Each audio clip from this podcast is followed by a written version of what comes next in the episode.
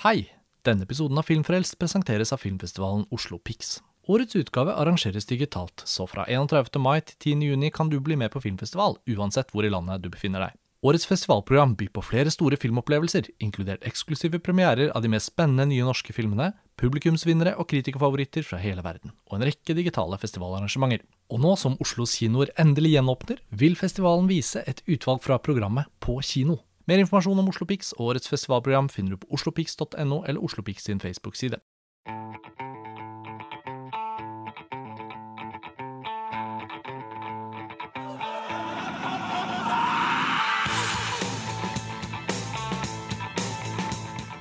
Hei og velkommen til en ny episode av Filmfrelst, podkasten fra filmtidsskriftet montasj.no. Mitt navn er Karsten Meinick, og i denne episoden skal vi snakke om et ganske spesielt prosjekt og en veldig spesifikk hendelse.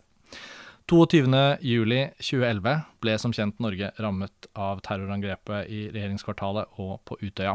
Og i de ti årene som snart har gått siden da, så har denne hendelsen blitt behandlet kunstnerisk på ulike måter, og i ulike kunstformer.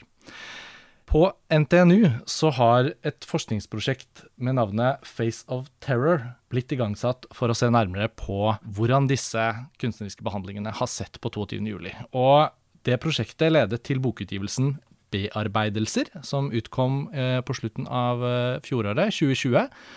Og i denne episoden så har vi med oss professor Anne Gjelsvik fra NTNU og stipendiat Mats Otsen, som begge har vært del av dette prosjektet. Så i denne episoden skal vi snakke med dem om både forskningsprosjektet og hvordan det oppsto, arbeidet med bokutgivelsen Bearbeidelser, og til slutt også skal vi se litt nærmere på hvor vi står nå inn mot tiårsmarkeringen av 22. juli og den kinoaktuelle dokumentarfilmen 'Generasjon Utøya', som Aslaug Holm og Sigve Endresen har laget, og som Anne har skrevet en analyse av på montasje. Så Anne og Mats, velkommen til Filmfrelst, og takk for at dere er med i denne episoden. Jeg får starte med deg, Anne. Du er jo prosjektleder for dette. Kan du si litt om uh, hvordan dette oppsto, og litt om din bakgrunn for å lede prosjektet? Ja, takk for invitasjonen. Uh, ja, dette forskningsprosjektet det, som heter Face of Terror, det starta faktisk i 2016, så det er en stund siden. Og bakgrunnen for prosjektet var en sånn klar opplevelse av at i en periode hvor terrorisme eh, har dominert egentlig den internasjonale eh, samfunnsutviklingen ganske mye, så opplevde vi som tok initiativet til prosjektet, sammen med meg så var det Aurora Hoel her på NTNU, at medienes rolle for hvordan vi tenker rundt terrorisme, hva vi forstår av årsakene til terrorisme, konsekvensene av terrorisme, var veldig underforska. Eh, Mm. Så vi var opptatt av å si noe om liksom, hvilken betydning hva er medienes rolle for, i, i, møte med terrorisme. Mm. Og etter hvert som prosjektet egentlig var kommet i gang og blitt utvikla, så slo det oss at eh, vi hadde hele veien tenkt at 22.07 var en viktig hendelse, viktig ting å forske på. Men det ble egentlig, hadde egentlig blitt til at det hadde blitt det viktigste eksempelet i prosjektet vårt. Så jeg jobber med filmene som handler om 22. juli, men også om andre film- og medieuttrykk knytta til framstillingen av terroristene og ofrene, kanskje først og fremst. Og i den eh, prosjektgruppen, så i tillegg til Aurora Hoel, så står det i bokutgivelsen at dere hadde med dere Ingvild Folkvord, Nadej Lorm og Mette Mortensen, i tillegg til deg, Mats. Og dere får nevne andre involverte underveis hvis det er noen jeg glemte. Men Mats, kan du si litt om eh, din eh, rolle i prosjektet? Ja, absolutt. Det henger jo veldig sammen med det Anne sa nå nettopp. At vi studerer medieuttrykk som handler om terrorisme, der min går spesifikt inn mot dokumentarfilmen sin rolle. Mm. Eh, jeg jobber også med 22.07. og spesifikt en dokumentarfilm som heter 'Rekonstruksjon Utøya'. Men eh, også med andre hendelser, da, eh, med case-studier på 9-11 i USA og den indonesiske statsterroren på 60-tallet. Så mitt prosjekt handler i stor grad om dokumentarfilm, og i stor grad om ansiktet og først og fremst om overlevende. Og da er det også sånn at du skriver en doktorgrad, eller holder på med en doktorgrad, det, stemmer det? Det stemmer. Jeg fullfører doktorgraden i år, eller leverer i hvert fall avhandlinga. Ja. Så får vi se når, når det blir doktorgrad. og har nettopp kommet hjem nå fra et utvekslingsopphold i Berkeley, California, der jeg også har fått jobba videre med prosjektet i samarbeid med folk der. Spennende. Jeg tenkte det var jo fint at dere fikk introdusert dere litt grundig på den måten, men hvis vi skal være litt mer muntlig, så er jo dere begge eh, bidragsytere til montasje også, da. Så vi syns jo det er veldig Vi er jo veldig stolte og kry over at vi, vi kan eh, forbindes med dere og dette prosjektet. Og eh, Anne, du skrev jo en analyse av Erik Poppes film 'Utøya 22.07' på montasje i sin tid, og det husker jeg også var en sånn veldig komplisert og sterk og spennende opplevelse for oss som redaktører, da, at nå kom denne store første på en måte filmatiseringen av hva som hadde skjedd, og vi var utrolig nervøse og spent selvfølgelig på å se filmen, men også på hvordan det kom til å bli samtalen rundt det at det kom en film. ikke sant? Alle de komplikasjonene vi følte på, og sensitiviteten rundt i, i offentligheten. Da husker jeg også at det var en veldig betryggende eh, prosess både med å se filmen og anerkjenne dens kvaliteter, arbeidet ditt med å analysere den, og, og så videre. Så, så jeg føler liksom at på en måte har observert noe av den samtalen selv i min rolle som redaktør på montasje, men på ingen måte gått så dypt inn i det som dere da har gjort i dette prosjektet, og ikke minst fått det manifestert i denne bokutgivelsen. da.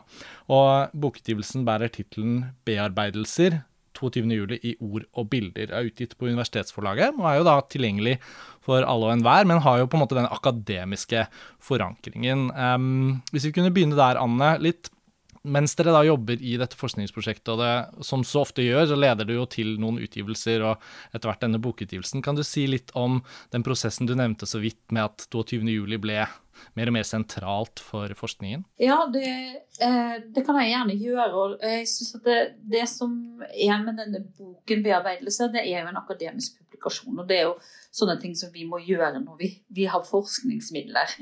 så må vi publisere. Men eh, jeg har jo vært redaktør på denne boken, og jeg håper jo at det er en bok som kan leses ikke bare av andre akademikere. Og det som ble veldig tydelig for meg i arbeidet, var jo at kunsten har vært utrolig viktig etter 22.07. Eh, enten vi tenker på de første bokutgivelsene som kom, det var jo veldig mye faglitteratur som kom med det samme. Det er mange romaner som har handla om, om 22.07. på en eller annen måte bildekunstnerne har gjort noe. Musikken tenker jeg at veldig mange har et forhold til. ikke sant? At man hørte musikken når det var minnemarkeringer osv. Så, det, det, vokste liksom på meg at eh, kunst har gjort veldig mye med akkurat det jeg kaller for bearbeidelse. Altså refleksjoner rundt hva dette terrorangrepet betydde for ulike folk i Norge, for oss som nasjon for ungdom. Altså, det var mange, mange sånne sider ved, ved, kunstfeltet som jeg fikk lyst til å belyse. Og da slo det meg at vi måtte gå utover våre egne film- og medieforskerkretser her. Og så, så, leste jeg jo mye. altså Noen analyserte Jens Stoltenberg sine taler, noen analyserte musikken, noen hadde jobba med mm. minnesmerkene. Så det har vi prøvd å gjøre i denne boka, var å hanke inn folk som som har jobba med 22.07. i kunst på, på, innenfor ulike fagfelter. Og så i tillegg da klare å lage en bok hvor også kunsten fikk plass. Så det er noe av det jeg er mest glad for med denne boken. er at Håkon Bleken og Dag Johan Haugerud og Karpe Diem de er også med mm. Med sine verk i boka. Da. Ja, jeg må bare si, eh, nå er jeg ikke helt objektiv, så det er jo ikke en anmeldelse av boka i seg selv, men jeg må jo bare si fra, fra mitt standpunkt at det var et imponerende stykke arbeid dere på en måte kunne presentere i boken, i den forstand at en så stor variasjon var representert, og at på en måte bokformatet, da, altså eh, nesten 300 sider mellom to permer, kan på en måte uttrykke så mange ulike kunstformer på en vellykket måte. For det er jo noe av det som er veldig fint med utgivelsen, er at man føler virkelig at utdragene slik de fremkommer fra eh, ulike bøker, romaner eller eh, sakprosa, dikt, bilder eh, og de analytiske gjennomgangene av film og TV og billedkunst, det, det er som om man på en måte får en egen, et tillegg av bearbeidelse, da. På en måte enda et lag. Eh, og det er jo der akademia kan på en måte fungere som et sånt mellomledd mellom, mellom teori og analyse, kan man si, og, og, formidling som hele offentligheten har glede av. Og der får vi jo håpe og tro at denne boken kan spille en rolle også i årene som kommer. da. Og jeg tenker at eh, et annet aspekt som dere faktisk også er inne på flere steder, er jo hvordan eksisterende kunst, altså fra Nordahl Griegs til ungdommen. Eh, hva skal vi si, Postgirobyggets sang 'Idyll', som brukes i Eller som en av eh, personene i Aslaug Holms kinoaktuelle film 'Generasjon Utøya' fremfører. ikke sant? Altså at Sang og dikt og kunst som fantes, ble veldig raskt en del av den umiddelbare terapien vi hadde som offentlighet etter hendelsen. sånn at det er jo på en måte en balanse der også mellom hva som var der fra før av, og som ble plutselig knyttet til 22.07. og tiden etter, og de kunstverkene som da har oppstått i kjølvannet av og i flere av årene som har gått etterpå. Helt frem til nå, da. Ser du noen forskjell der, Anne, mellom de tingene som kom rett etter hendelsen, og det som kanskje har kommet det siste året, da? Ja, jeg tenker at, at tid er kjempeviktig i det her. Nå går vi mot en tiårsmarkering til sommeren. Eh, og det er helt tydelig for meg at det var eh, på den ene siden både ulike temaer som føltes nødvendig til å begynne med, og så er det andre temaer som føles mer påkrevd nå. Så det er forskjell i hva disse ulike kunstneriske bearbeidelsene tar opp. Hva slags tematikk, hva slags innfallsvinkler. Og så tror jeg også at det er viktige forskjeller når det gjelder hva ulike kunstuttrykk kan gjøre til ulik tid. Eh, hvor det var helt sånn Bøkene kom med en gang, og musikken var der med en gang. Mens f.eks. minnesmerker og filmer er ting som både trenger Det trenger lengre tid til å bli eh, akseptert. Og det, det, det, er prosesser som kan være litt vanskelige, og som også krever tid. Mm. Og for å ta tilbake til det du starta med i sted, så var jo det noe av det som var påfallende når filmene kom, eller når vi visste at filmene skulle komme i 2017, at det var mange som gjorde seg refleksjoner rundt at det var for tidlig. Mm.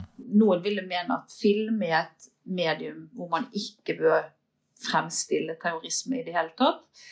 Eh, men også hvor mange var opptatt av at det, det kom for tidlig og var for nære, samtidig som man ikke hadde den type reaksjoner når de første bøkene kom allerede samme høst. Ja, Det er utrolig spennende hvordan dere diskuterer det i de forskjellige kapitlene i boken. Det blir jo liksom diskutert på ulike måter også. og Mats, i, i din analyse av uh, Rekonstruksjon Utøya, som jo er en dokumentar, så føler jeg jo likevel at mye av det uh, litt sånn retoriske spørsmålet som kommer opp i din tekst om poppefilmen, Anne, altså trenger man å se dette?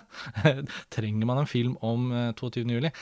Så syns jeg du tar det opp på en interessant måte, Mats, fordi den dokumentaren er jo også en film som bruker iscenesettelse og rekonstruksjon som et middel for å ta oss nærmere de eh, overlevende som eh, portretteres i filmen. Da. De fire som forteller sine historier på en måte gjennom disse gjengivelsene. Kan du, kan du si litt om den liksom, balansegangen i forhold til å, å, se på de tre første filmene som kom? da? Eh, du har jo tatt for deg den helt spesifikt. Ja, det, det, kan jeg godt. Eh, det som jeg syns er så uh, spesielt med rekonstruksjon Utøya, er jo ikke bare iscenesettelsen i seg sjøl, men at vi stort sett uh, ikke kikker på iscenesettelsen som tilskuere, men vi kikker på de fire overlevende, mens de kikker på iscenesettelsen. Mm. Så det jeg, jeg tenker det er en film som i stor grad handler om å se de overlevende. og handler om å, om å minnes hendelsene gjennom dem det skjedde med. Jeg tenker Det er en balanse som er viktig, men jeg tenker filmene kan gjøre ulike ting. Der eh, Poppe sin film er en tydelig bearbeidelse av hva som skjedde, der vi får et innblikk i hendelsene. Så tenker jeg Rekonstruksjon Utøya f.eks. En, en tydelig bearbeidelse eh, av hvem det skjedde med, mm. i større grad.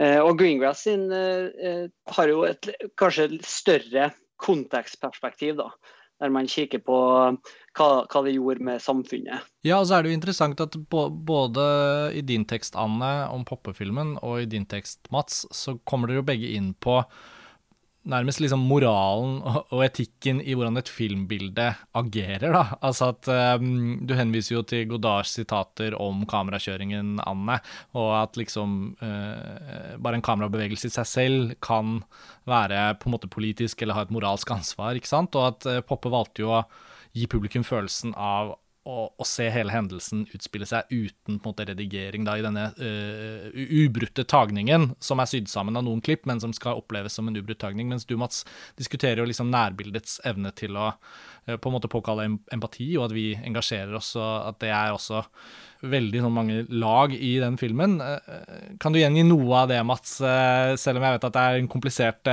akademisk analyse sånn frem, fremstår i boka? Det, det kan jeg gjerne. og det var jo noe av utfordringa for meg med å skrive um, et kapittel i bokprosjektet. At jeg jobber med et relativt esoterisk, eh, filosofisk rammeverk.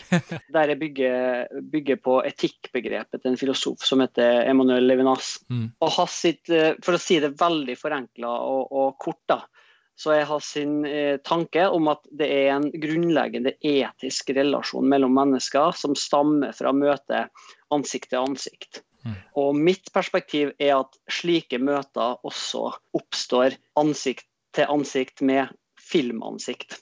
Så Derfor er jeg veldig opptatt av ansiktet til de overlevende som på en måte en, en kilde til en annen måte å se på og en annen måte å forstå på. Mm.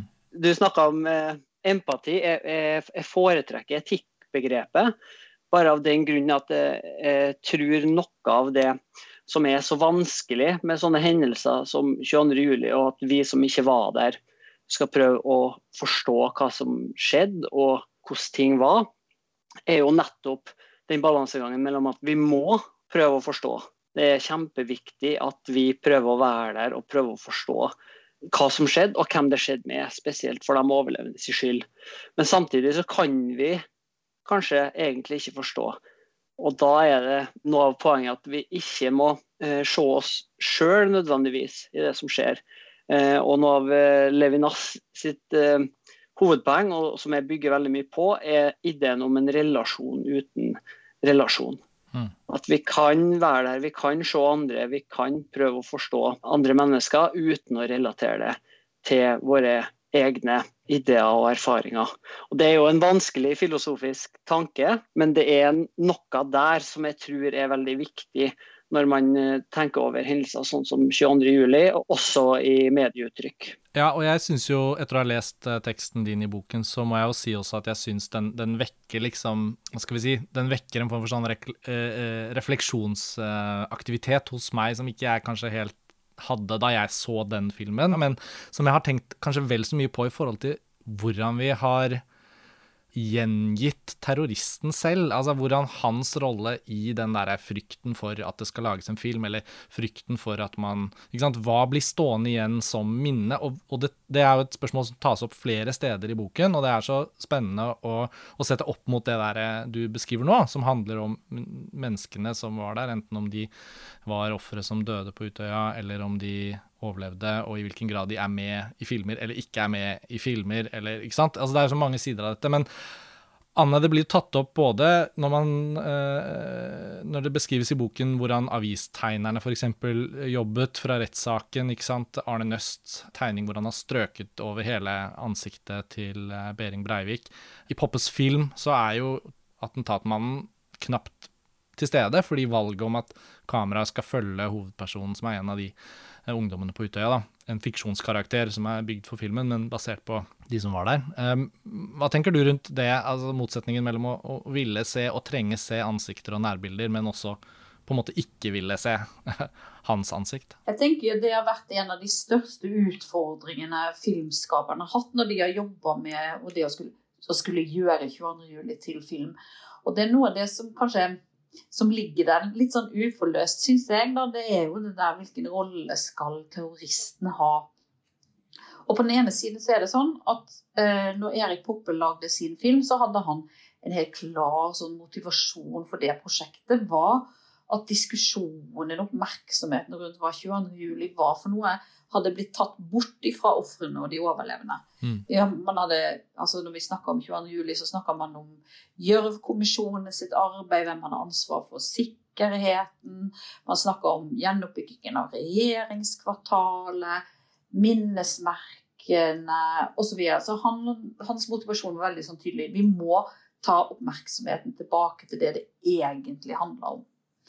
Uh, og jeg har veldig respekt for det, og jeg synes at Utøya-filmen har blitt veldig vellykka på det punktet. Men samtidig så, så, er det jo sånn at dette er en villet handling gjort av en terrorist vi har hatt mange diskusjoner senere om kan det skje igjen. Vi har sett at vi har fått nytt terroristangrep i Bærum. Mm. Sånn at den der forsiktigheten som jeg syns ligger litt i filmprosjektene, også kan være et problem i den forstand at vi også trenger å diskutere hva er bakgrunnen for en sånn terrorhandling. Og da er det jo Paul Greengrass sin film, Netflix-produksjonen hvor Anders Danielsen Lie spille Anders Behring Breivik, som er den eneste av film og seriene som på en måte har prøvd å gjøre det. Prøvd å ta tak i liksom, hvem er terroristen, og hvor kommer han fra, og hva står han for. Så jeg skjønner at det er vanskelig, og jeg er ikke helt sikker på om jeg syns Paul Greengrass helt lykkes. Men jeg har også respekt for det forsøket, og tenker at det hører også hjemme i en bearbeidelse av hva 22.07 juli da. Ja, og så er det vel oss som dere, jeg føler dere forteller i boken, så er det vel liksom ikke heller sånn at vi stopper opp og sier at der er det bearbeidet. Der er liksom et slags punktum. Nå har vi, nå har vi en pakke på det, på en måte. Fordi sannheten er jo selvfølgelig at dette er jo en traumatisk hendelse for involverte, for samfunnet, for Alt som har vært sagt og snakket om, er jo også en løpende samtale. Sånn at det, det er jo interessant også at vi litt tilfeldig sitter her inn mot tiårsmarkeringen og har denne samtalen eh, oss imellom og rundt det arbeidet dere har lagt ned. fordi det er jo spennende hvordan akkurat nå, da, nå er det mai 2021, så har eh, Aslaug Holm og Sigve Endresens eh, kinodokumentar 'Generasjon Utøya' vært på kino i noen uker. Og så er det jo mange kinoer som fortsatt er stengt pga. pandemien, så etter hvert som de også åpner inn mot sommeren, så kommer det sikkert en film til å fortsette å gå på kino. og Det virker som om vi er på vei inn i liksom et nytt sånn stadie hvordan vi snakker om 22.07, at kanskje det politiske, hvordan AUF og Arbeiderpartiet var det direkte mål for terroristen, eh, kanskje får litt mer plass igjen. Det er i hvert fall du inne på i din analyse, Anne? Ja, det stemmer. Jeg tenker det at eh, når vi oppsummerte de kunstneriske bearbeidelsene i 2020, så var en av de tingene som jeg reflekterte over da, var at jo, kunsten har gjort veldig mye for oss. Både, og med oss mener jeg både storsamfunnet og kanskje de som som er direkte berørt. Men akkurat når det gjelder det politiske, så har ikke det vært så mye kunst som har diskutert det eksplisitt. Det gjelder både terroristens bakgrunn, men særlig det som tas opp i Generasjon Utøya. Hva var det dette eh, angrepet har betydd for AUF og for Arbeiderpartiet? Og det må liksom kunne løfte fram og tematisere at ja, det var kanskje et angrep på Norge, det var kanskje et angrep på demokratiet, men det var først og fremst et angrep på eh, AUF og Arbeiderpartiet. Så det tenker jeg har vært en samtale som, som den måtte komme på et eller annet tidspunkt. Mm. Og Arbeiderpartiet og AUF har tatt initiativet til det selv nå med denne våren. Og så kommer generasjonen Utøya liksom midt i den diskusjonen, samtidig som jo Aslaug Holm og Sigve Andresen har jo holdt på med dette prosjektet i tre år. Så de visste jo ikke det, på en måte. Nei, nei. Men, men, det har vel vært noe som har pressa seg fram, at det politiske måtte komme nå. Mats, du har jo også sett denne filmen. Anna har jo skrevet om den i en analyse på montasje allerede. Men uh, hva var ditt inntrykk av den etter å ha jobbet med den tematikken i flere år? Mitt inntrykk var helt klart at vi trenger en sånn film også. og det, At den f.eks. sammenligna med rekonstruksjonen Utøya, så er de veldig ulike. Men de komplementerer hverandre veldig godt, og at det, må, være rom for å gjøre det på forskjellige måter. Fortelle eh, historiene til de overlevende på forskjellige måter, for å få en mer helhetlig forståelse. Med store forskjellene vil jeg jo si at eh, generasjonen Utøya er jo mye mer eksplisitt politisk. Mm jeg vil si, eh, Rekonstruksjon Utøya er jo også, også, politisk. og Noe av det Anne nevnte i stad, var jo grunnlaget for den filmen. Der Kali Aver, som er regissøren, eh, jo sa at noe av hovedpoenget hans med å lage filmen var at han følte at norske medier var dominert av eh, minnet om terroristen, og at det var slik vi minnes eh, det som skjedde. Og at han mente at når vi skal minnes 22.07, så er det de overlevende eh, vi må se for oss, og ikke terroristen. Men samtidig er det jo, som Anne sier, eh, også viktig at vi ser til terroristen, og hva som var årsakene bak hva som skjedde. Mm. Nei, men det er jo helt, uh, helt, riktig at de to tingene må kunne på en måte eksistere side om side, kan man si. Og at uh, det føles ut som at vi trenger disse bearbeidelsene, er jo på en måte en åpenbar ting. Men også at kunsten har jo en rolle å spille for å utvide bildet. Og det å ta med oss historien om 22.07 handler også litt om å forstå hva slags samfunn vi er i 2021. Da, ikke sant? At uh, nye små og store traumer og offentlige holdepunkter dukker opp hele tiden. Nå er det en pandemi, ikke sant? det er på en måte noe helt annet, men vi blir også klar over uh, sårbarheten for unge mennesker i samfunnet vårt, hvordan vi ser på dem, psykisk helse. ikke sant? Det er også så mange ting som ikke har spesifikt med 22. juli å gjøre. men Derfor syns jeg også at det er så interessant i boken at dere har med et utsnitt fra Dag Jan Haugeruds 'Barn', da. en film som ikke eksplisitt tar opp 22. juli, men som man ser ekkoet av hvordan den hendelsen har blitt en del av hvordan tragedier og traumer på en måte snakkes om da, og tas opp uh, i, i, Norge. Så jeg synes liksom det er mange sider av hvorfor på en måte både deres prosjekt seg selv er viktig, men også hvorfor samtalen om 22.07. og arven fra den hendelsen er med oss og kommer til å fortsette å være med oss. da. Eh, det må ha vært liksom nesten litt vanskelig å stoppe opp og si 'nå gir vi ut boka, Anne'. fordi det er vel, det er vel litt sånn at dere tenker 'å, skal vi også få med oss det'? Vi, nå kommer kanskje den filmen også, skulle vi rekke det? Men den er jo veldig viktig nå, føles det ut som, for å liksom se på ved tiårsmarkeringen hvor, hvor, vi er, da. Mm. Ja, jeg kan jo si at når det gjaldt liksom, altså utgivelsestidspunktet, så var det litt for meg viktig at den var her til tiårsmarkeringen. Mm. Samtidig som jeg ikke hadde lyst til at det skulle være en tiårsmarkeringsbok. Jeg tenker nettopp også noe av det eh, som vi ser nå, at de som er direkte berørt, mm. kan få, få, på en måte plassen nå. Eh, og at det er riktig mm. eh, i dette året. Så derfor så kom den på slutten av eh, fjoråret istedenfor nå. Mm. Uh, men jeg syns en annen ting også om, om dette med generasjon Utøya, hva den handler om, så handler jo den eh, om ikke bare om 2011, den handler om nå.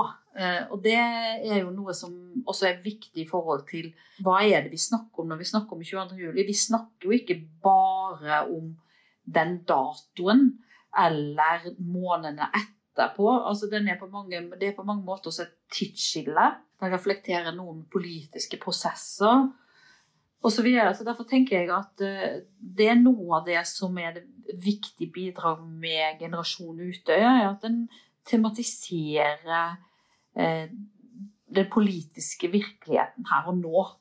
Så f.eks. hvordan en AUF-er uh, blir utsatt for uh, sjikane i kommentarfeltet eller får direkte SMS-er med en gang man er ute og snakker om noe. Altså hva er det politiske klimaet? Hvor står på en måte arbeiderbevegelsen i dag? Sånn at den handler jo bokstavelig, altså tittelen sier, generasjonen etterpå. Mm. Så det er også tenker jeg et veldig viktig del av det filmprosjektet, som skiller den fra de filmene som kom før, som i mye større grad handler om tiden der, eller tiden kort etter. Mm. Det er flere sånne ting som dere tar opp uh, i, i, boken som jeg ble sittende igjen og tenke på. Det handler både om språk. altså, altså den, Du beskriver den synekdoken på 22. juli, liksom at den representerer Når vi sier 22. juli, så representerer det på en måte så mange forskjellige ting. Og det kan henvise til mange forskjellige ting. Uh, du tar opp bruken av ordet 'hendelsen'. Jeg har jo hører jo at jeg selv bruker det eh, når jeg snakker om det her i denne episoden, fordi det er dekkende, et dekkende ord for å si noe om at det var noe som skjedde, på en måte. Men det innbefatter jo mer. Og så er det dette med tid.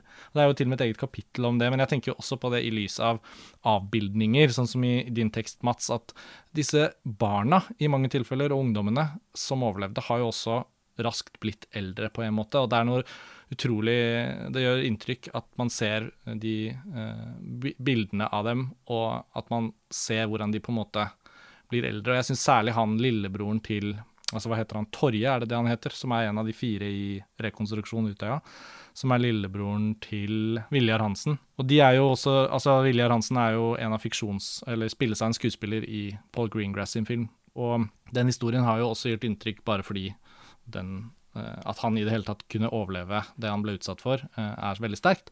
Men i rekonstruksjonen Utøya så er det jo da lillebroren som gjenskaper den hendelsen. Og, du diskuterer jo også hvordan bildet av han eh, skiller seg fra f.eks. Rakel, som er hun andre du bruker som et eksempel i din tekst. Altså, har du reflektert noe over det med liksom, tid i seg selv, og hvordan det liksom er tegnet av i disse ansiktene? Ja, men det, da kommer vi nok en gang inn i kompliserte greier. Altså, for det, Noe av det som er så interessant med den filmen, er jo eh, ikke bare måten den eh, konstruerer rom, et slags eh, litt sånn kunstig rom i den blackboxen, og bruker det til iscenesettelse og til å på en måte gjenskape minnene deres. Eller at de gjenskaper minnene sine sjøl. Men også at det føles litt som vi er ute av tida. For, eh, fordi det ikke brukes arkivbilder. Man er ikke helt sikker på hvor lenge de er der, selv om det nevnes kort i tekstplakaten i starten. Men når du f.eks. Uh, kommer inn de barnebildene av uh, Torje, og når han nevner uh, hvor ung han var når han var på Utøya, så får du plutselig den følelsen at det er faktisk sju år etter. Ja, det er akkurat det øyeblikket jeg tenker på. Mm. Og her er det mennesker som har bearbeida det her traumet i sju år, og nå forsøker å dele det med oss hvordan det har vært. Og det, det er en veldig spesiell situasjon. Og enda mer spesiell hvis du begynner å tenke over eh, tidsaspektet av å se en film. Da, av å være i på en måte filmtid. Men min tanke eh, rundt det der er, ligner litt på eh, det Anne sier, at jeg, jeg tror eh, f.eks. generasjonen Utøya tenker veldig på her og nå i dag, og hva vi kan gjøre for et bedre samfunn. på en måte, Hva vi kan gjøre for å ta et oppgjør med det. Mens eh, Rekonstruksjon Utøya f.eks. tenker jo også opp mot framtida, og at sju år etter det har skjedd, så er det ikke noe som er ferdig bearbeida. Og, og, jeg tror noe miksen med alle de kunstneriske bearbeidelsene som skrives om i boka, også de ulike filmene, er at de eh, forteller fortellingene til de overlevende på forskjellige måter, og, og på den måten kan starte ulike samtaler rundt hva som skjedde, hvem det skjedde med, eh, og hvor vi er i dag. Mm. Vi starta jo ut med å snakke litt om altså, de etiske implikasjonene ved å lage film og sånne ting. Og det, eh, jeg tenker, når jeg ser tilbake på de filmatiske bearbeidelsene vi har, og her tenker jeg også at NRK sin TV-serie med Sara Johnsen og Pål Sletaun er eh, som kreative krefter bak det, så tenker jeg det vi ser, er jo at både at vi trenger dem, at de gjør forskjellige ting, og at eh, det er ulike faser, altså ulike, ulike, ting som trengs på ulike tidspunkt. Og, og eh, selv om man kan diskutere hva som er den viktigste og hva den beste Noen vil jo si det. Det var mange som løfta fram rekonstruksjon Utøya på den måten. Da tenker jeg at jeg er veldig glad for at vi har alle, og at jeg føler at de, det er så mange sider ved 22. juli mm. som vi fremdeles trenger å, å, å, diskutere og behandle. Enten det er den personlige traumen, det politiske skillet i nasjonen eh, hva det betyr, altså tenker også, hva, hva, det betyr Hvordan tenker vi om Norge som land? Er Norge et trygt land? Hvordan står vi i en ny krise osv.? Det er så mange det, det, er en så stor og viktig hendelse i moderne tid at Eh, vi, vi, blir ikke ferdig med den eh, så fort. Og jeg tenker at noe av det som er interessant i vårt arbeid, er å se at filmmediet tilbyr så mange viktige og vektige måter å jobbe med den tematikken på. Mm. Og Det syns jeg er noe av det som jeg vil løfte fram som noe av det mest sånn, viktige jeg har lyst til å si ut. For mange vil si å, jeg har ikke lyst til å se en sånn film. Det er for tungt tema, det er for vanskelig, det er for traumatisk eller det er for politisk. Så tenker jeg nei, her, her, gjør filmfeltet noe viktig for oss, som jeg feil å bruke ordet glad, men takknemlig for. da. Mm. Ja, men jeg er veldig enig med deg der, Anna. Det har jeg også tenkt litt på etter disse filmene har kommet. da, og Vi har jo i montasjeredaksjonen behandlet det redaksjonelt gjennom tekster som har kommet inn, men vi har jo selvfølgelig også hatt samtaler eh, bare Når man snakker om film, så har jo disse samtalene vært med å snakke litt om hvordan, hvordan filmen kan uh, fungere som et kunstnerisk uttrykk. da, og Du er jo inne på det i boka at uh, det er jo en fordom mot film som et underholdningsmedium, og det er jo mulig å si at film både er et underholdningsmedium og et, et, kunstuttrykk, og at de to av og til møtes, og at kraften i film nettopp kan brukes i så henseende, så lenge man har eh, forteller moral eller anstendigheten da, på plass til å ta for seg noe som er såpass sårt. Og det syns jeg de filmene vi har fått har gjort på ulike vis. Og jeg, jeg tror liksom vi kommer til å fortsette å se at det kommer. Jeg må bare trekke inn en liten nyhet som, som kom før i dag. og Det er Norsk Filminstitutt som har offentliggjort at eh, de har bevilget produksjonsstøtte til en film om Quisling, som skal regisseres av Erik Poppe. Og han lagde jo 'Kongens nei', som mange sikkert husker, men han lagde jo også denne Utøya 22. juli som vi snakket om. Og i den pressemeldingen fra Filminstituttet så beskrives det som en Quisling-filmen da, som en sånn tredje film i trilogien 'Et skjørt demokrati', i hermetegn. Og det føles jo ikke ut som en trilogi man har hørt noe om før den pressemeldingen kom i dag, men implisitt i den pressemeldingen så føler jeg at man understreker at en film om Quisling i 2021 umulig ikke også kan handle litt om 22. juli. Uh, og, det er jo sånne type spor av 22.07 som jeg tenker at vi allerede ser eksempler på, og som vi kommer til å se flere eksempler på. Da, at fortellinger om noe helt annet uh, kan, kan, umulig stå der uten å ha det ekkoet da, uh, i seg. Og Det har sikkert dere også tenkt en del på i det arbeidet. Ja, jeg tenker jo når jeg valgte å hente inn Dag Johan Haugeruds 'Barn' som et eksempel på et verk som som den tematiserer ikke 22. juli, det handler ikke om 22. juli, men det er noe rundt det Altså hvordan vi tenker på oss sjøl i et kollektiv. Hvordan vi mm. takler kriser osv. Som, som er liksom helt opplyst. Det er helt tydelig for meg at den filmkunstneren har hatt det med seg når han har laga en film eh, om å takle en krise i skolen. Mm. Og barn handler også om språk. ikke sant? Så hvordan når vi sier dette, hvordan skal vi snakke om dette? Skal vi kalle det en hendelse? Skal vi kalle det terrorangrep? Skal vi, hva skal vi kalle det for en mord? Hvilke ord skal vi bruke?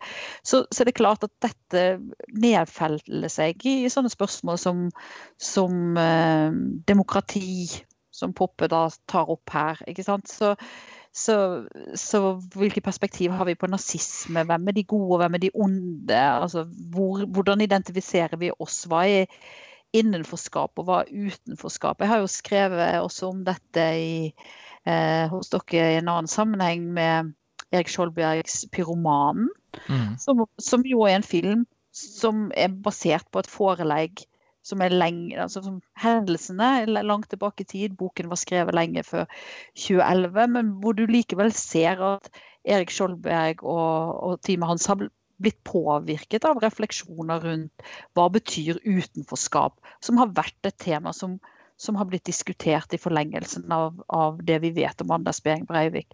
Så det er klart at dette kunstnere drar dette med seg og vil jobbe med ha det i bakhodet, også når de lager en historisk film som f.eks. handler om Quisling og andre verdenskrig. Mm. Så, så, er det med oss. Mats, hvis vi spoler litt tilbake til opprinnelsen for selve forskningsprosjektet deres, da, og dette, denne tittelen 'Face of Terror', og eh, ettersom vi vet at du skriver på en doktorgradsavhandling, så kan vi jo pine deg litt her med å, å spørre, da. Altså at i, i en videre forstand enn bare 22.07, er det noen andre elementer eller eksempler eller innsikter som, som dere har jobbet med som du syns det hadde vært interessant å trekke inn, sånn avslutningsvis? Ja, jeg kan, kan ikke snakke for alle i prosjektet, for vi, vi gjør jo forskjellige ting. Eh, selv om alt eh, henger sammen. F.eks. Mm. så jobber jo Nadesh, som du nevnte, med, med fiksjonsfilm, der jeg jobber med dokumentarfilm. Mm. Eh, men mitt prosjekt behandler jo 22.07, men trekker det ut mot andre ting også, og snakker egentlig om hvordan eh, film, og da spesielt dokumentarfilm, kan behandle og bearbeide terror og traume på måter som andre medier og andre kunstneriske former kanskje ikke kan, eller i hvert fall gir oss noe annet enn de andre. Og Jeg baserer jo det veldig på ansiktet, men ansiktet på forskjellige måter. Mm. Jeg skriver jo f.eks. om en film som heter 'Rebirth', om 9-11, som også bruker ansikt aktivt, men i en mer konvensjonell form som ligner på det vi ofte kaller talking heads. Mm. Men som da bruker tid og måten de ansiktene kommer att og att og att, som sin måte å fortelle noe om eh, utviklinga av det traumet over tid, da over ti år faktisk. Og eh, videre så skriver jeg også om eh, en film jeg vet du har sett, 'The Look of Silence' av Joshua Oppenheimer. Ja. Som, som, jeg ikke skal gå veldig inn på, men igjen så handler det om ansiktet, men også det som jeg ikke får si på norsk, men som er viktig i mitt engelskspråklige prosjekt. Ikke om, bare om the face, men om facing. Mm. At vi faktisk konfronterer ting som har skjedd, og hvordan film kan hjelpe oss til å konfrontere eh, fortida for eh, å hjelpe oss inn i framtida. Det var jo veldig elegant formulert i forhold til å finne en måte å avslutte episoden på, da. Men uh, før vi avslutter helt, så tenkte jeg bare mens du snakket at det er relevant å huske på at det faktisk er 20-årsmarkering for da 11.9. til høsten. Så litt sånn tilfeldig så er det jo to sånne runde tall for to uh, fryktelige eh, terroraksjoner som har formet både den store verden og den norske offentligheten. Har dere sett noe på paralleller i hvordan 11.9. umiddelbart ble behandlet i amerikansk film, og hvordan eh, vi i Norge har behandlet eh, 22.07.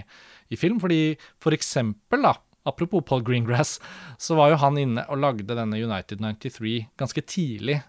Og det var jo litt sånn som Poppes film. En veldig sånn i det flyet der de reiste seg opp mot terroristen og fikk styrtet det i bakken så det ikke kunne liksom brukes. Altså helt, den heltemodige innsatsen. Den var også veldig sånn nesten sånn helt til stede i øyeblikket og verken helt objektiv eller subjektiv, veldig sånn i det. Og på samme måten så gjorde jo Poppe det i filmen sin, og bare fokusere på liksom tiden som gikk på Utøya, og en av de ungdommene, og følge henne gjennom de minuttene. Altså, har dere hatt det oppe noe, på noe tidspunkt i forskningsprosjektet og se på liksom, hvordan andre sånne hendelser har blitt behandlet kunstnerisk i andre land? Ja, si, Min ambisjon var tidlig egentlig å gjøre mer på det feltet. altså Mer mm. på, på, spesielt den amerikanske filmen og 9-11. Og hvis jeg liksom sånn bare raskt ut av hatten skal si noe om noen forskjeller, så tenker jeg jo at det er viktigste forskjellen mellom den norske behandlingen av terrorangrepene og den amerikanske behandlingen av de terrorangrepene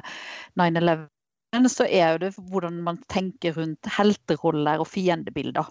Mm. Eh, og noe av det som er, er Eh, mer fraværende, nesten helt fraværende i, i, disse filmene om 22.07, så er det heltene. I den grad det er noen helter, så er det kanskje Norge som er helten i Paul Greengrass sin film, eh, med Stoltenberg og advokaten Lippestad i hovedrollene. Men ellers så er liksom helterollene ganske fraværende her, da.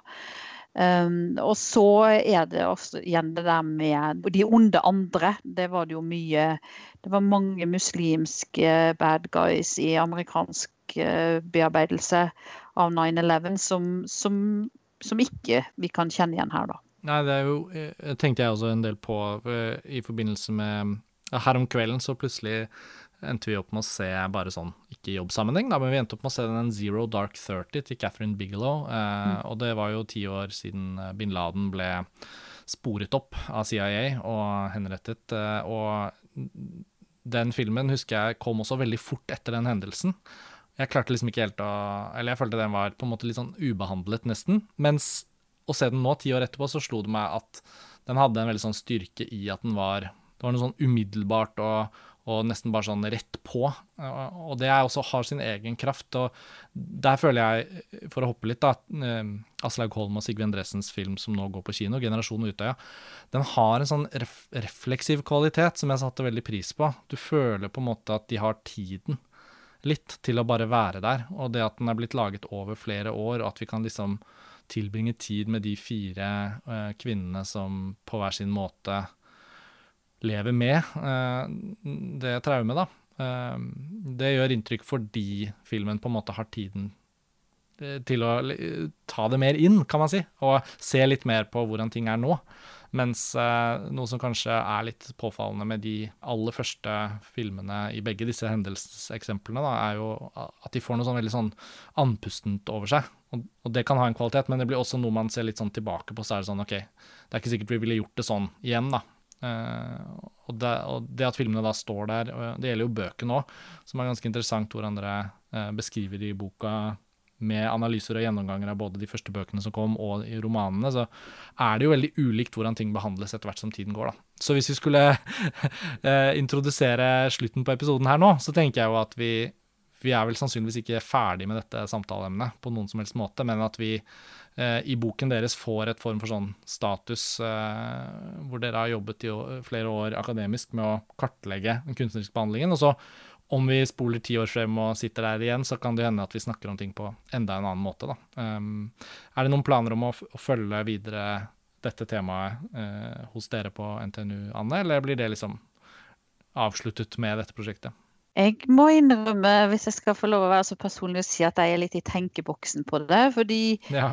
Vi har jo, jeg har jo framstilt det at publikum kan kanskje Vi anbefaler at dere ser disse filmene for de som hører som ikke har sett 'Generasjon Utøya' f.eks. Mm. Men det er jo også et krevende tema å jobbe med. Eh, så jeg kan jo kjenne på det at jeg har jobba ganske lenge med noe som er vondt og vanskelig. Så jeg vurderer om jeg skulle ha prøvd å jobbe med noe som er litt hyggeligere å sette seg ned og se igjen og igjen, for det er jo det vi må gjøre når vi skal jobbe så grundig med noe. Det skjønner jeg. Gjør et forskningsprosjekt på romantiske komedier fra England på 90-tallet, f.eks. Det er sikkert veldig hyggelig. Britiske klassiske, klassiske adaptasjoner. Ja. Mats, hvordan, eh, hvordan, opplever du det? Jeg har ikke tenkt å begi meg ut på en ny doktorgrad om Nei. Eh, tematikken. Eh, men noe av det jeg er opptatt av som utdanna lærer, og er hvordan liv eh, filmer som generasjonen Utøya, rekonstruksjonen Utøya f.eks. får etterpå. Mm. Noe av eh, det som Jeg skal ikke si provoserte meg, eh, men noe av det jeg syntes var veldig trist, var f.eks. at rekonstruksjonen Utøya bare gikk en, jeg tror det var ei uke på kino i Trondheim. For ingen gikk og så den.